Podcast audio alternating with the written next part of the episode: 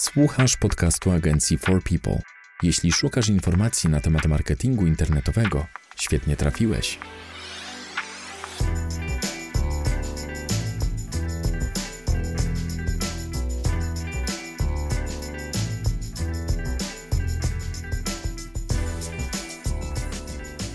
Cześć, dzień dobry. Witamy w 30. odcinku podcastu nagrywanego przez katowicką agencję marketingu internetowego For People. Z tej strony Łukasz Migura i Paweł Pawlak. To jest już 30 tygodni, kiedy jesteśmy z Wami, kiedy publikujemy nasz podcast.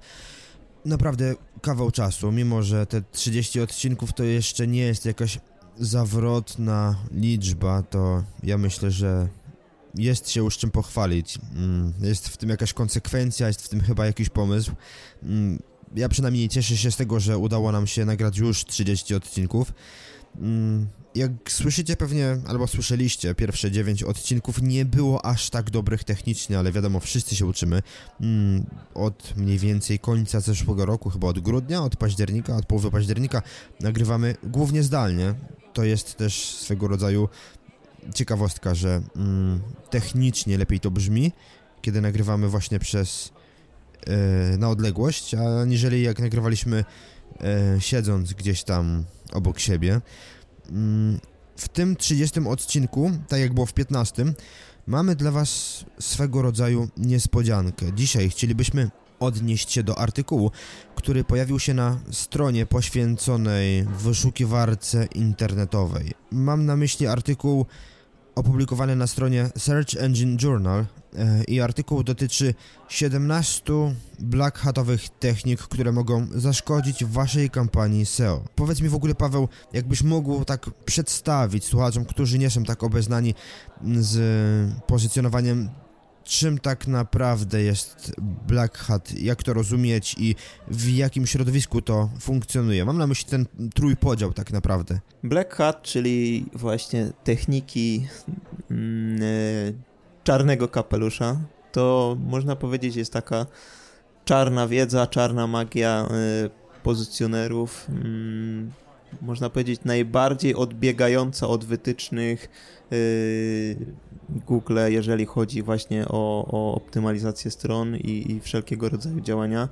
Są to wszelkiego rodzaju techniki mniej lub bardziej agresywne, no, które z punktu widzenia pozycjonera mają oczywiście podbić y, widoczność strony w wynikach wyszukiwania, no natomiast z punktu widzenia wyszukiwarki są złe i niedobre i najczęściej są właśnie panelizowane obok czarnego kapelusza istnieje jeszcze biały kapelusz i szary kapelusz, ale tak naprawdę... Tak, wie, wie, więc tutaj, tutaj tak, to jest ten, ten trójpodział, o którym powiedziałeś. Biały kapelusz no to jest jakby zupełnie odwrotna mm, do, do czarnego kapelusza metodologia, czyli to jest ścisłe stosowanie się do wytycznych y, Google, jeżeli chodzi właśnie o strony internetowe, do, do, do wytycznych dla, dla webmasterów można powiedzieć, takie granie zgodnie z zasadami gry, nie, nie, nie przekraczanie pewnych granic. Mhm. Natomiast szary, szary kapelusz, no to jest powiedzmy tak, tak jak szara strefa, prawda? Czyli łączy w sobie y, te białe techniki z tymi czarnymi, mm, troszkę niezdecydowane. To, to, są takie, można powiedzieć, ziemia niczyja, bo z jednej strony, jeżeli przesadzimy, to może Mm, możemy właśnie zaszkodzić naszej stronie. Z drugiej strony, jeżeli, jeżeli stąpamy delikatnie, jak po kruchym lodzie, no to mm, no, niczy, tylko możemy pomóc naszej stronie, nie, nie jakby nie, nie zdenerwujemy e, Google'a. Ja tak myślę mm, i wydaje mi się, że to chyba mit, że można wypozycjonować stronę na jakieś fajne wyniki wyłącznie tymi white hatowymi sposobami. E, to jest takie trochę naiwne. Ja bardzo chciałbym, żeby, żeby można było walczyć wyłącznie samą optymalizacją strony, samymi działaniami kontentowymi i żeby to przyniosło efekt, na jaki liczymy, ale no wszyscy wiemy, e, że, że sama optymalizacja strony nie jest wystarczająca. A właśnie od tego zaczyna się artykuł na opublikowany na Search Engine Journal, czyli od kupowania linków. Mm, mówią tam o tym, że mm, jasne, link kierujący do waszej strony z mocnego źródła może przyprowadzić wartościowy ruch, że mm, tylko takie linki są najlepsze, a Google mm, tak naprawdę krytycznie patrzy na kupowanie linków, czy to na jakichś tam blogach zewnętrznych, czy nawet tworzenie własnych zaplecz. Kiedyś za to karali. No a teraz, mm, powiedz mi, jak patrzysz na kwestię kupowania linków i na stanowisko Google wobec tego? Tutaj to jest właśnie właściwie temat rzeka, bo kupowanie linków no chociażby, chociażby w ofercie pozycjonowania znalazła się właśnie promocja za pomocą artykułów mm, na wysokiej jakości serwisach, no to już jest kupowanie linków, prawda? Więc yy, każde, każdego rodzaju Hmm, czy to właśnie opublikowanie artykułu, czy y, jakiegoś boksu reklamowego mm, spoza oczywiście sieci reklamowej Google, w której znajdzie się nasz link, no to to wszystko podchodzi pod to kupowanie. I jak, jak tutaj wygląda szkodliwość tego? No, pozycjonowanie tym linkowaniem stoi, prawda? Dodawanie mm, do katalogów, czy tam, które, kiedyś było modne, no też, też y, za, za te, Część oczywiście tych katalogów była bezpłatna, e, część trzeba było za to zapłacić. Mm, no a jednak to działało. No i dalej są na pewno takie źródła, yy, które, które właśnie pozyskanie z nich linków yy, no fajnie działa, no ale musimy za to zapłacić. Niestety nikt nam za darmo linka nie da. Nawet jeżeli wymienimy się z kimś linkiem, ty, ty opublikujesz na mojej stronie, bo jesteś, yy, jesteś dostawcą, Y, produktów, które ja sprzedaję, a ja y, opublikuję link na swojej stronie, że korzystam z Twojej oferty, no to też można powiedzieć jest kupienie coś za coś, prawda? I z, mogłoby się wydawać naturalne oczywiście, że, mm, że właśnie no, dostawca umieszcza na swojej stronie link do producenta, a producent umieszcza na swojej stronie linki do dystrybutorów swoich produktów, no, ale widziałem już takie przypadki, gdzie, gdzie po prostu no, Google karało za coś takiego, pomimo tego, że to było w, w rozumieniu y, osób tutaj działających naturalne. Jednakże no, wydaje mi się, że y, tak jak y, właśnie ten content i optymalizacja strony to jest jeden filar y, wysokiej widoczności, no to te linki są też konieczne. Linki trzeba niestety kupować, więc tutaj mm, Oczywiście różne są źródła, z których te linki możemy kupić, ale jeżeli robimy to z głową, no to wydaje mi się, że nie ma tutaj yy, się czego obawiać. Drugi z 17 punktów dotyczy mm, pozyskiwania darmowych tak naprawdę linków albo mm, wymiany linków, o której mówiłeś, tylko w trochę inny sposób. Chodzi o praktykę, którą stosuje się często w branży beauty, czyli wymiany na przykład kosmetyków albo też ubrań E, w zamian za linki, czyli wysyła się darmowy produkt blogerce, a blogerka na swoim blogu umieszcza link do siebie.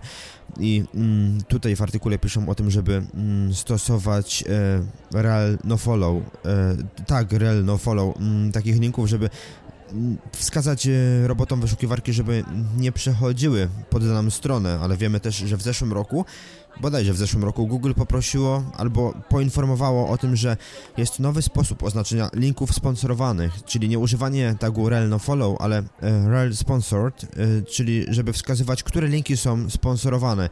I moim zdaniem używanie tagów rel sponsored to jest świetny sposób, żeby poinformować Google'a, że dana firma, która wysyła produkty, coś kombinuje z linkami i ja tutaj byłbym bardzo ostrożny z używaniem tego rodzaju tagów. Dokładnie, ale też y, tutaj ja się odniosę do tego właśnie, do, do samej tej techniki link za produkt. Mhm. No, nikt nie jest w stanie, y, Google nie jest w stanie sprawdzić, czy my zapłaciliśmy komuś za, dany, za danego linka produktem, y, tak samo jak nie jest w stanie stwierdzić, czy my danego linka kupiliśmy. Y, więc no, ponownie każdy, każdy link według Google jest zły i jeżeli, jeżeli zamiast pieniędzy zapłacimy za to produktem, no to różne mogą być sytuacje. Oczywiście link może zostać potraktowany jako zły link, yy, natomiast w większości przypadków no, wydaje mi się, że, że jest to technika w miarę bezpieczna. Ja z perspektywy osoby posiadającej własną stronę i zajmującego się też trochę pisaniem, wiem, że nie ma lepszego miejsca do pozyskania linka niż blog osoby trzeciej, czyli pozyskanie linka właśnie w ten sposób. To jest chyba najbardziej naturalne miejsce, gdzie moglibyśmy pozyskać linka. Co ciekawe, nawet blogerzy, którzy z wami współpracują, są na tyle skłonni, że mogą skonstruować tego linka w dokładnie taki sposób, na jaki zależałoby Seowcowi. Także warto korzystać e, właśnie z, e, przy współpracy z blogerami z tego rodzaju usług, bo to działa i bardzo i daje bardzo mocnego kopa waszej stronie, zwłaszcza jeśli blog jest popularny.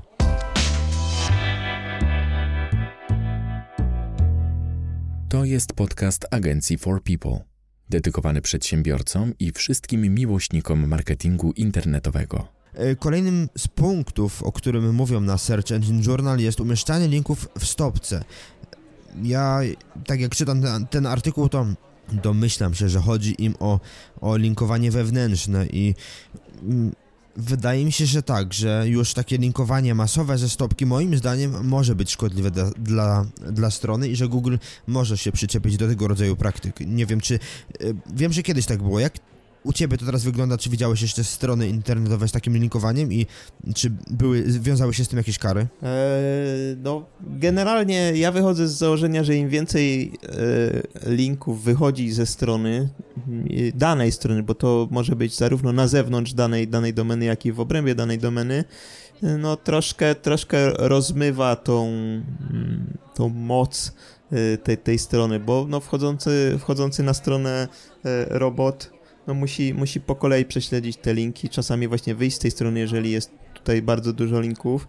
Mm, więc jeżeli, jeżeli to są linki y, do ze, z, danej, z danej podstrony do różnych stron, to one nie będą miały za dużej wartości, bo jeżeli, jeżeli w danej stopce znajdzie się na przykład 100 różnych linków, no to będzie bardzo negatywnie wpływać. Jeżeli to chodzi o linkowanie wewnętrzne, no to znowu będziemy mieć pewnie problem z crawl budgetem, czyli mm, tym czasem, który, który e, robot wyszukiwarki jest w stanie poświęcić na naszą stronę, bo będzie wchodził na wiele niepotrzebnych podstron, które no właśnie mamy podlinkowane i to na każdej e, z podstron, no bo stopka to jest taki element, który powiela się na każdej podstronie, prawda, więc mhm. Mm, jeżeli ten link, te linki będą powielały się na każdej stronie, no to, to, to, to tutaj, tutaj się zgodzę, że ta, ta technika niespecjalnie e, dobrze tutaj zadziała. Mamy kolejny punkt i tutaj zgadzam zgadzam się w pełni, że stosowanie tego rodzaju praktyki może być bardzo szkodliwe. Chodzi o ukrywanie linków w treści, na przykład za obrazami, za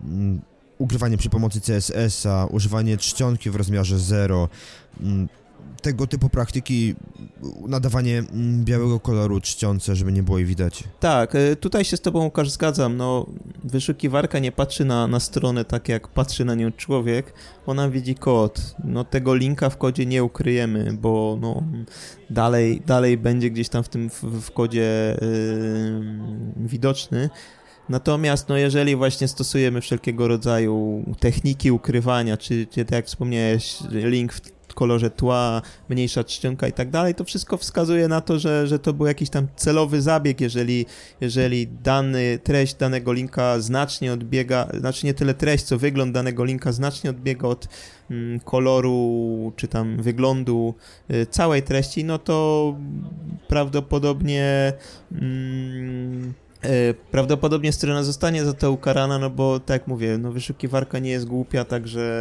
y, będzie, będzie w stanie bardzo łatwo wykryć tego typu technikę. Jakie masz podejście, mówię teraz o piątym punkcie już, jakie masz podejście, jeśli chodzi o pozyskiwanie linków w komentarzach, zwłaszcza spamerskich, czyli puszczasz jakieś narzędzie do masowego publikowania komentarzy na różnych stronach, gdzie jest to możliwe przez e, niewykorzystanie tam na przykład recaptcha i, i masowo puszczasz jakiś komentarz z linkiem do siebie według ciebie to może być szkodliwe? Mm, wydaje mi się, że tak, bo najczęściej stosowanie tego mm, typu metod y, no, wiąże się z zastosowaniem jakichś szablonów. No nie jesteśmy w stanie dla 10 tysięcy stron czy 10 tysięcy komentarzy przygotować zupełnie mm, z jednej strony czytelnego, takiego wyglądającego jak naturalny tekst, Y, tekstu, a z drugiej strony no, różniącego się od pozostałych y, mm, tych komentarzy, więc będzie to na pewno y, taki schemat, który, który roboty wyszukiwarki łatwo wyłapią, no a właśnie takie schematy, no to, to jest bardzo prosta droga do tego, aby tą te działania y, pozycjonerskie wykryć. No już wspominaliśmy o tym wielokrotnie. Działanie pozycjonerskie no to jest działanie naprzeciw y, zasadom y, Google'a, troszkę takie hakowanie wyszukiwarki, więc jeżeli tylko zostanie złapany nasz schemat, to automatycznie no, te prowadzone przez nas działania przestają działać. Idziemy do szóstego punktu. Mm, nadużywanie mm, słów kluczowych, podlinkowywanych słów kluczowych, tak zwanych kotwic. Mm, wiem, że kiedyś była taka zasada, liczy się tylko pierwszy link. Czy ona dalej funkcjonuje i czy nadużywanie linkowania danego słowa, na przykład w jakimś tekście, który opublikowaliśmy na stronie trzeciej, pod, y, powiedzmy dwu, dwu, trzykrotne linkowanie tej samej frazy może zaszkodzić, ma jakiś wpływ, czy już nie zwraca się na to uwagi? W samym tekście oczywiście dana fraza kluczowa powinna się pojawić y, wielokrotnie, też już o tym wspominaliśmy w różnych odmianach, w synonimach, natomiast używanie cały czas tej samej frazy jako anhoran to jest w zasadzie podobny scenariusz, jak, jak powiedziałem przy poprzednim punkcie.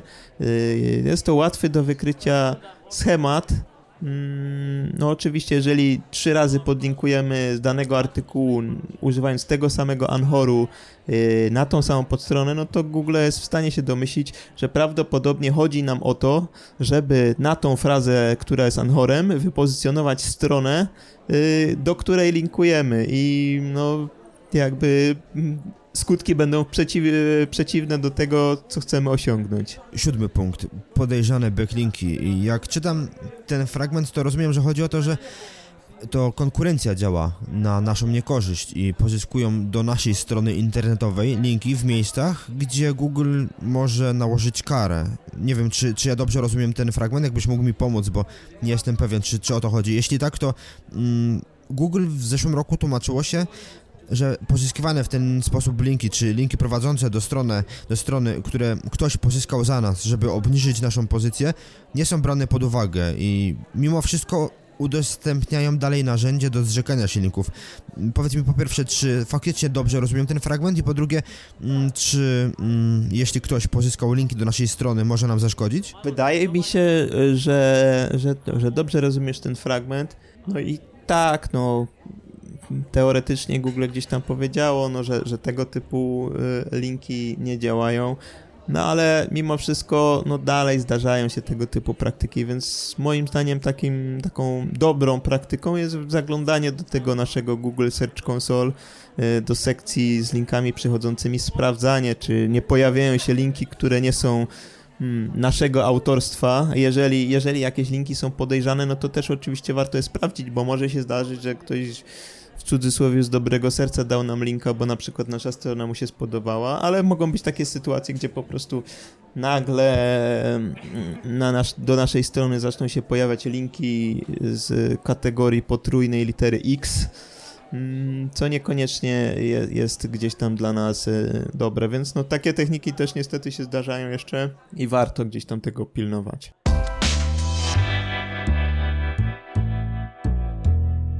To jest podcast agencji marketingu internetowego For People. Idziemy do ósmego punktu. E, system własnych zaplecz, z angielskiego tak zwane PBN-y, czyli blogi stawiane przez nas po to, żeby mieć gdzie publikować artykuły z linkami. I to, co pokazuje Search Engine Journal na swojej stronie, to jest przykład źle zrobionego PBN-a, bo mm, no, pierwsza i najważniejsza zasada to jest to, że mm, strony nie mogą zostawiać nie mogą w żaden sposób się wiązać, nie może być tam żadnego footprintu, czyli e, odcisku stopy, który pokaże, że mm, te strony są w jakiś sposób ze sobą powiązane. Oni na grafice pokazują, że te strony są linkowane każda z każdą i to jest chyba jeden z pierwszych błędów, jakie, jakie można popełnić, tworząc taki system. E, czy twoim zdaniem tworzenie systemu, własnego systemu sieci blogów mm, może być szkodliwe, albo czy jest szkodliwe i czy mm, faktycznie ich skuteczność, tak jak proszę, skończyła się w latach 2000? Mm, z tym się akurat nie zgodzę, bo mm, no, dobrze zbudowane PBN, y, czyli, czyli właśnie ta sieć zaplecz, y, wydaje mi się, że, że może tutaj pomóc, pod warunkiem, że właśnie te nasze ślady zacieramy, czyli korzystamy z różnych IP, różnych hostingów. Y, te strony w cudzysłowie nie są w żaden sposób powiązane i troszkę imitują jakby zewnętrzne serwisy, które z dobrego serca linkują do naszej strony, yy, no wydaje mi się, że, że jeżeli to jest wszystko dobrze rozwiązane, a można to dobrze rozwiązać, no to, to dalej, dalej to działa. No jeżeli postawimy 10 zaplecz, które nie dość, że linkują między sobą, to jeszcze z każdego zaplecz linkujemy do mm, pięciu różnych y, stron, ale takich y, pię, pięciu różnych, ale y, takie same schematy stosujemy na wszystkich tych y, stronach będących częścią tego PIBN-a, no to to znowu jest schemat, który łatwo znaleźć no a wykryty schemat po prostu przestaje działać. Ja powiem tak, jeśli chodzi o te ukrywanie mm, podobieństw, to mm, spotkałem się nawet z podejściem, że należy mm, wykupić specjalną usługę u, hosti u dostawcy hostingu dla danej domeny, żeby ukryć nazwę właściciela domeny, żeby nie pokazywać, kto jest właścicielem domeny i hostingu, bo roboty Google są już w stanie zweryfikować, kto kupił daną domenę i też to powiązać. To też może być sposób na, na połączenie jakoś tych, tych domen i nawet takie małe szczegóły, jak właśnie właściciel domeny mogą być traktowane jako footprint, także trzeba zwrócić uwagę na masę małych rzeczy, żeby Google nie był w stanie dojść do tego. To jest kosztowne, to jest czasochłonne, ale się opłaca. E, teraz tak, idziemy do punktu dziewiątego i ukrywanie, napychanie treści słowami kluczowymi, tak zwany keyword stuffing.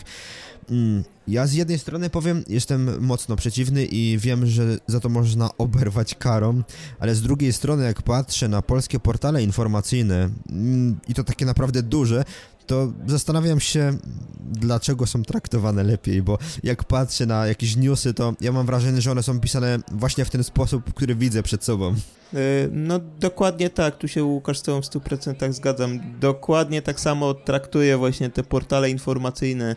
E, daje się jeszcze niestety złapać na to, że kliknę w jakiegoś e, clickbaita i chcę przeczytać jakiś artykuł, natomiast okazuje się, że zanim dojdę do, do, do clue, czyli tego, co jest w temacie, przeczytam, czy przeskanuję przynajmniej wzrokiem 10 akapitów, który każdy zaczyna się od tej samej frazy kluczowej, e, napchany jest po prostu tymi keywordami w, w nagłówkach, w treści, ale nie wnosi to nie wnosi to właśnie tej, tej wartości. Więc tutaj bym spojrzał raczej na to, że chyba dużemu wolno więcej.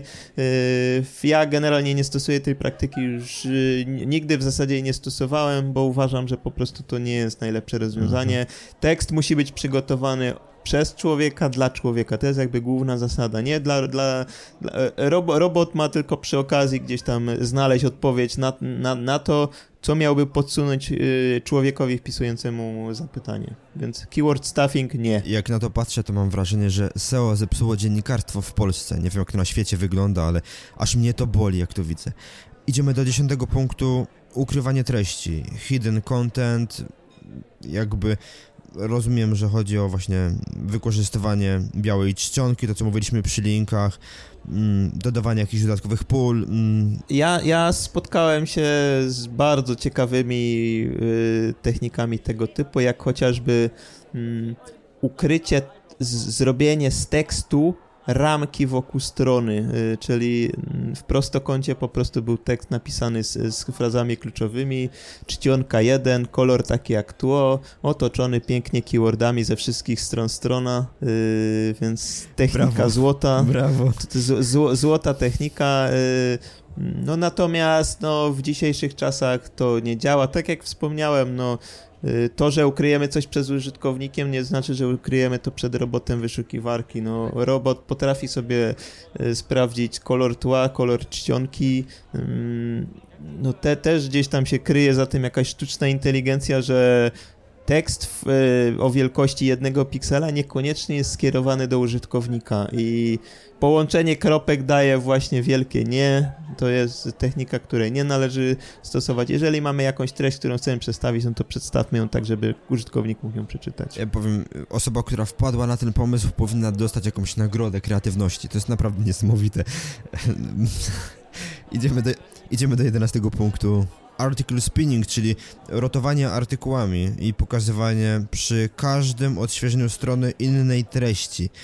Tutaj jakby ja tej metody nie stosowałem i nie wiem jak Google mogłoby do niej podchodzić. Czy ty kiedykolwiek spotkałeś się właśnie z takim rotowaniem treści na stronie za każdym razem, kiedy się wchodzi na, na, na daną witrynę? No, spotkałem się z tego typu metodami, natomiast wydaje mi się, że, że mm, jest to troszkę takie powiedzmy bardzo, kłamstwo z bardzo krótkimi nogami, no bo Google jest w stanie zaindeksować daną podstronę tylko z konkretną treścią, no tak jakbyśmy zrobili zdjęcie, czyli w danym momencie. Y, no jeżeli, jeżeli ta treść się zmieni, no to znowu musiałaby się gdzieś tam zaindeksować. Mm, także może to w jakiś sposób działa, ale na bardzo krótki dystans i ja bym tutaj nie polecał stosowania tej metody. Tutaj też, też y, zakładam, że ten article spinning, y, znaczy ten article spinning generalnie opiera się na tym, że niektóre słowa są rozpisane w klamrach mm, z odpowiednimi synonimami, więc ta czyta nawet całe zdania, więc po każdej, po każdej rotacji jest wybierany jeden z wariantów zastosowanych w tej klamrze, no i tworzą się, można powiedzieć, unikalne teksty, natomiast jest to po, po raz kolejny bardzo łatwe do wykrycia i, i, bardzo ryzykowne w stosowaniu. Tylko powiedz mi, co to może dać tak naprawdę dzisiaj z perspektywy pozycjonowania strony, taka, to, takie rotowanie, rotowanie tekstem, jak to może wpłynąć tak naprawdę, bo ja nie widzę tutaj pozytywnego mm, aspektu, nie, nie widzę dlaczego ktoś miałby to robić tak naprawdę. Yy, powiem tak, nie jestem aż tak czarnym arcymagiem, żeby też widzieć tutaj yy, sens takiej, takiej metody. Okej, okay, dobra, to idziemy do dwunastego punktu. E, plagiaty, du zduplikowany content, mm, pobieranie tekstów z innych stron, łączenie ich w inne treści i publikowanie na przykład na swoich stronach zapleczowych, wrzucenie tam linków. Tutaj temat jest bardzo krótki. No, wykrycie, kto jest pierwotnym autorem, a kto zduplikował jest bardzo proste, więc y, no nie jest to raczej zalecana y, technika, więc zgadzam się tutaj z artykułem, że lepiej tego nie robić. Punkt 13. Spam w mikrodanych. I czy stosowałeś kiedyś, czy wykorzystywałeś, testowałeś, sprawdzałeś, czy można za to dostać jakąś karę? Jeśli tak, to jaką? Yy, to znaczy w przeszłości już chyba, w jednym z odcinków już o tym rozmawialiśmy. Mm, w przeszłości Y, skuteczną metodą było mm, publikowanie strony z, z rich snippetami opisującymi ją jako przepis kulinarny, które pozwalały na wyświetlanie też grafiki mm, dodatkowo i zwiększenie atrakcyjności takiego wyniku. No nie było może za to jakiejś kary, ale po pewnym czasie po prostu przestało to działać. Po prostu Google się zorientowało, że, że tak, tak ludzie robią. No i, i jakby tutaj mm, pogroziło palcem, ludzie przestali tak robić. Jeżeli chodzi o inne jakieś tutaj mm, działania mające na, na, na celu właśnie spamowanie tymi rich snippetami, no to w zasadzie nic mm, nie przychodzi mi do głowy i też nie, nie, nie widzę, jakby to mogło działać. Ja mogę dodać jedynie tyle, że mm, jeśli nawet na swojej stronie internetowej nie macie możliwości wystawienia oceny, a wrzucicie w rich snippety gwiazdki z oceną, to Google je pokaże i raczej się do tego nie przyczepi. Testowałem i wiem, że, że, że działa, wyświetla te, te, te gwiazdki, raczej nie każe za to, a to może przyciągać ruch z wyszukiwarki. Zawsze macie dodatkowo trochę więcej przestrzeni w wynikach wyszukiwania. Jeśli ktoś chce i, nie boi się zaryzykować, bo mimo wszystko to jest oszukiwanie wyszukiwarki, to, to, to, to można próbować. Idziemy do punktu 14, czyli czynienie ze swojej strony albo z własnego zaplecza toalety, czyli tak zwany cloaking. Jakbyś mógł trochę o tym opowiedzieć i czy według Ciebie to działa? E, no, cloaking, czyli taka, no, może, może w dwóch, dwóch słowach, czy, czym jest właśnie cloaking? Mhm. E, cloaking, no czyli to jest zastosowanie takiej mm, peleryny, prawda? Czyli y, robot wyszukiwarki widzi zupełnie coś innego niż widzi użytkownik. Mm, użytkownikowi możemy podsunąć super ładną stronę, natomiast y, robotowi wyszukiwarki właśnie jakieś ukryte teksty z mieszarek i keyword stuffing i co tylko przyjdzie nam do głowy. No ponownie jest to coś, co, co bardzo łatwo robot wyszukiwarki może wykryć, no bo jakby no u, u, podstaw tej techniki kryje się to, żeby, żeby wyszukiwarce właśnie przedstawić to, co chce zobaczyć ta wyszukiwarka. No ale wyszukiwarka jest w stanie się zorientować, że ta treść, którą mm, prezentujemy, no, nie do końca spodoba się użytkownikowi i tutaj też bardzo, to jest bardzo cienki lód, po którym stąpamy i też jakby y, nie, nie zachęcam do, do, do korzystania z tej techniki. Jasne. Idziemy do punktu numer 15 i strony przejściowe, doorway pages. Też forma cloakingu, też sposób na pokazywanie innej treści w wyszukiwarce i kierowanie użytkowników gdzie indziej. Bardzo irytujący sposób na mm, pozycjonowanie strony, bardzo często używany w przeszłości przez jakieś strony informacyjne. Czy to nadal działa? Czy nadal może działać? Mm, szczerze powiedziawszy, dawno już się nie spotkałem z Doorway Pages, więc zakładam, że już sam fakt y, nie, nie, nie, nie, nie, nie spotykania się z tymi Doorway Page'ami no, wskazuje na to, że nie jest to technika powszechnie stosowana, a jeżeli nie jest powszechnie stosowana, to prawdopodobnie też już nie do końca działa. Yy, no ponownie też, też jakby nie jest to coś, co, co ja osobiście stosuję i nie zalecam do stosowania takiej techniki, więc w 100% też zgadzam się z Search Engine Journalem.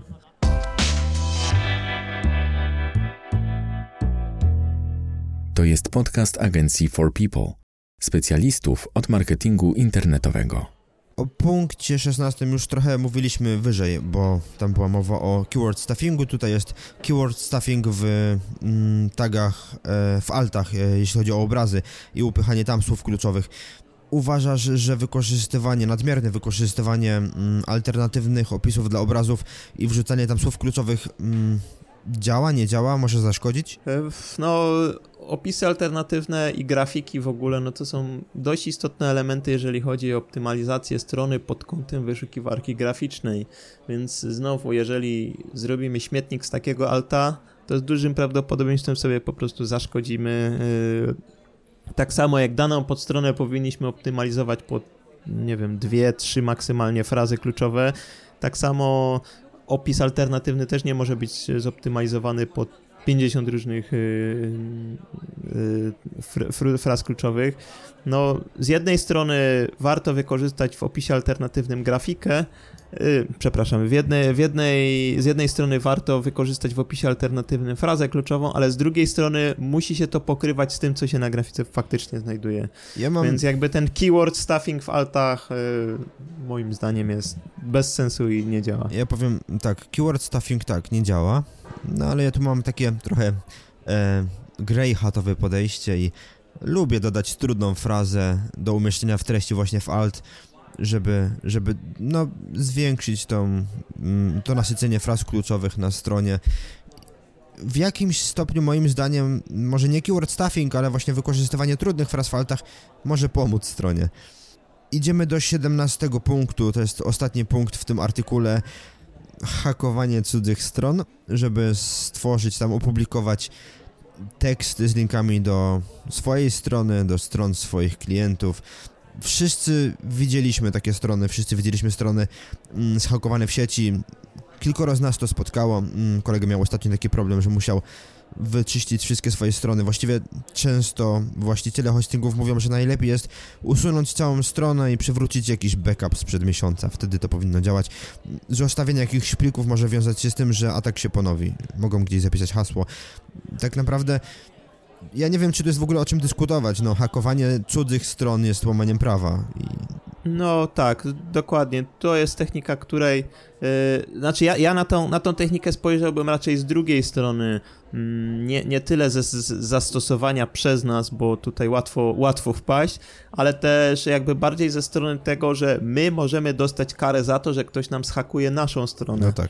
Więc jakby musimy tego pilnować. Jeżeli tylko widzimy nagły spadek widoczności naszej strony, a nie ma jakichś tutaj czynników, które by jasno wskazywało na to, no warto hmm, chociażby jakimś narzędziem do renderowania strony, chociażby do podglądu strony hmm, na urządzeniach mobilnych, jest, jest takie narzędzie google'owe, które pozwala też podejrzeć po prostu stronę, y, zobaczyć jak wyszukiwarka widzi naszą stronę, no jeżeli tutaj y, wyświetla się zupełnie coś innego, innego i ktoś na przykład zastosował clocking, no to też trzeba się z tym uporać, bo, najczęściej właśnie to, to hakowanie wiąże się z takim cloakingiem, czyli ktoś y, chce, że tak powiem, przejechać się na, na naszych wysokich pozycjach, i skorzystać na tym, ale jednocześnie chcę to przed nami ukryć, czyli tutaj wracamy znowu do cloakingu. Yy, no i, tak, mm, hakowanie, no tak jak mówisz, jest yy, łamaniem prawa i w ogóle nie powinniśmy tego stosować, ale z drugiej strony powinniśmy się pilnować tego, żeby nie stać się sami ofiarą tego hakowania, no bo to może niestety poskutkować negatywnie na naszej stronie. Jeszcze odnośnie tego hakowania, najczęściej ofiarą padają strony na WordPressie i tutaj chciałbym wskazać takie kilka podstawowych sposobów na zabezpieczenie swojej strony. Po pierwsze, zmieńcie adres URL logowania waszej strony. Po drugie, dodajcie kapcze przy logowaniu. Po trzecie, zmieńcie login z admin na jakiś inny i wykorzystajcie dłuższe hasło, żeby nie można się zalogować do waszej strony przez admin admin. To naprawdę jeszcze jest praktykowane i bardzo łatwo można znaleźć takie strony, przetestować, zalogować. Kolejna rzecz, wyłączcie plik, który pozwala na automatyczną publikację na waszej stronie, na przykład przez maila. To jest plik bodajże XLPRC, coś takiego bardzo często ten plik jest wykorzystywany do tego, żeby włamywać się na WordPressy i właśnie tworzyć z nich takie swoiste mm, doorpage, cloaki. Te kilka, te kilka zasad naprawdę pozwoli Wam na tyle podnieść bezpieczeństwo strony, że, że już będzie o wiele trudniej się na nią włamać. Ja myślę, że pora na jakieś takie podsumowanie tych 17 black hatowych technik e, wskazanych prze, przez Search Engine Journal. Jeśli pozwolisz, Paweł, to ja zacznę od mm, czegoś takiego. Mm, moim zdaniem wiele z tych technik faktycznie może zaszkodzić waszej stronie, czy nawet wam jako osobie, która pozycjonuje stronę. I tutaj mam takie podejście, że mm, jasne, no nie korzystamy z takich technik i to tylko szkodzi, ale patrzenie na pozycjonowanie wyłącznie w taki white hatowy sposób, żeby stosować się wyłącznie do wytycznych wyszukiwarki, no chyba nigdzie nie zaprowadzi strony, jeśli marzy o naprawdę dobrych rezultatach. Mm, ja ze swojej strony dodam, że też tutaj wiele technik odpisanych w tych artykule moim zdaniem jest troszkę takich archaicznych, mm, no i jakby też niestosowanych, więc to jest może bardziej takie, żeby ten content rozbudować i napisać, że tak nie wolno robić, mhm. chociaż nikt tak już od dawna nie robi. Y, jeżeli chodzi o te techniki, które rzeczywiście działają, ja na to, ja tutaj mam takie podejście, nazwijmy to podejście młotka. Mm, młotek to jest coś, czy możemy przybić gwoździa albo zrobić sobie krzywdę. Mm, no jeżeli wiemy jak korzystać z młotka i zrobimy to dobrze, no to tego gwoździa bijemy. Jeżeli nie wiem jak z niego korzystać, no to zrobimy sobie krzywdę. Y, podobnie jest właśnie z zastosowaniem wszelkiego rodzaju technik, które w jakimś stopniu mogłyby podpadać pod wytyczne Google, jak chociażby właśnie kupowanie linków w artykułach. Mm, jeżeli wiemy jak to robić i robimy to dobrze, no to nie zostanie wykryty ten schemat i no będzie to działanie, które będzie skuteczne i bezpieczne. Jeżeli będziemy to robić w wątpliwy sposób, no to bardzo się możemy na tym przejechać. Ja myślę, że to tyle, jeśli chodzi o 30 odcinek naszego podcastu. Dziękujemy Wam za uwagę. Z tej strony Łukasz Migura i Paweł Pawlak. Do usłyszenia za tydzień i powodzenia w Waszych biznesach. Cześć. To był podcast agencji marketingu internetowego For People. Dziękujemy za uwagę. Wolisz czytać niż słuchać? Zapraszamy na stronę naszego bloga marketingdlaludzi.pl. A jeśli potrzebujesz pomocy z promocją firmy w internecie, odwiedź naszą stronę forpeople.pl. Zapraszamy do wysłuchania następnych odcinków. Do usłyszenia.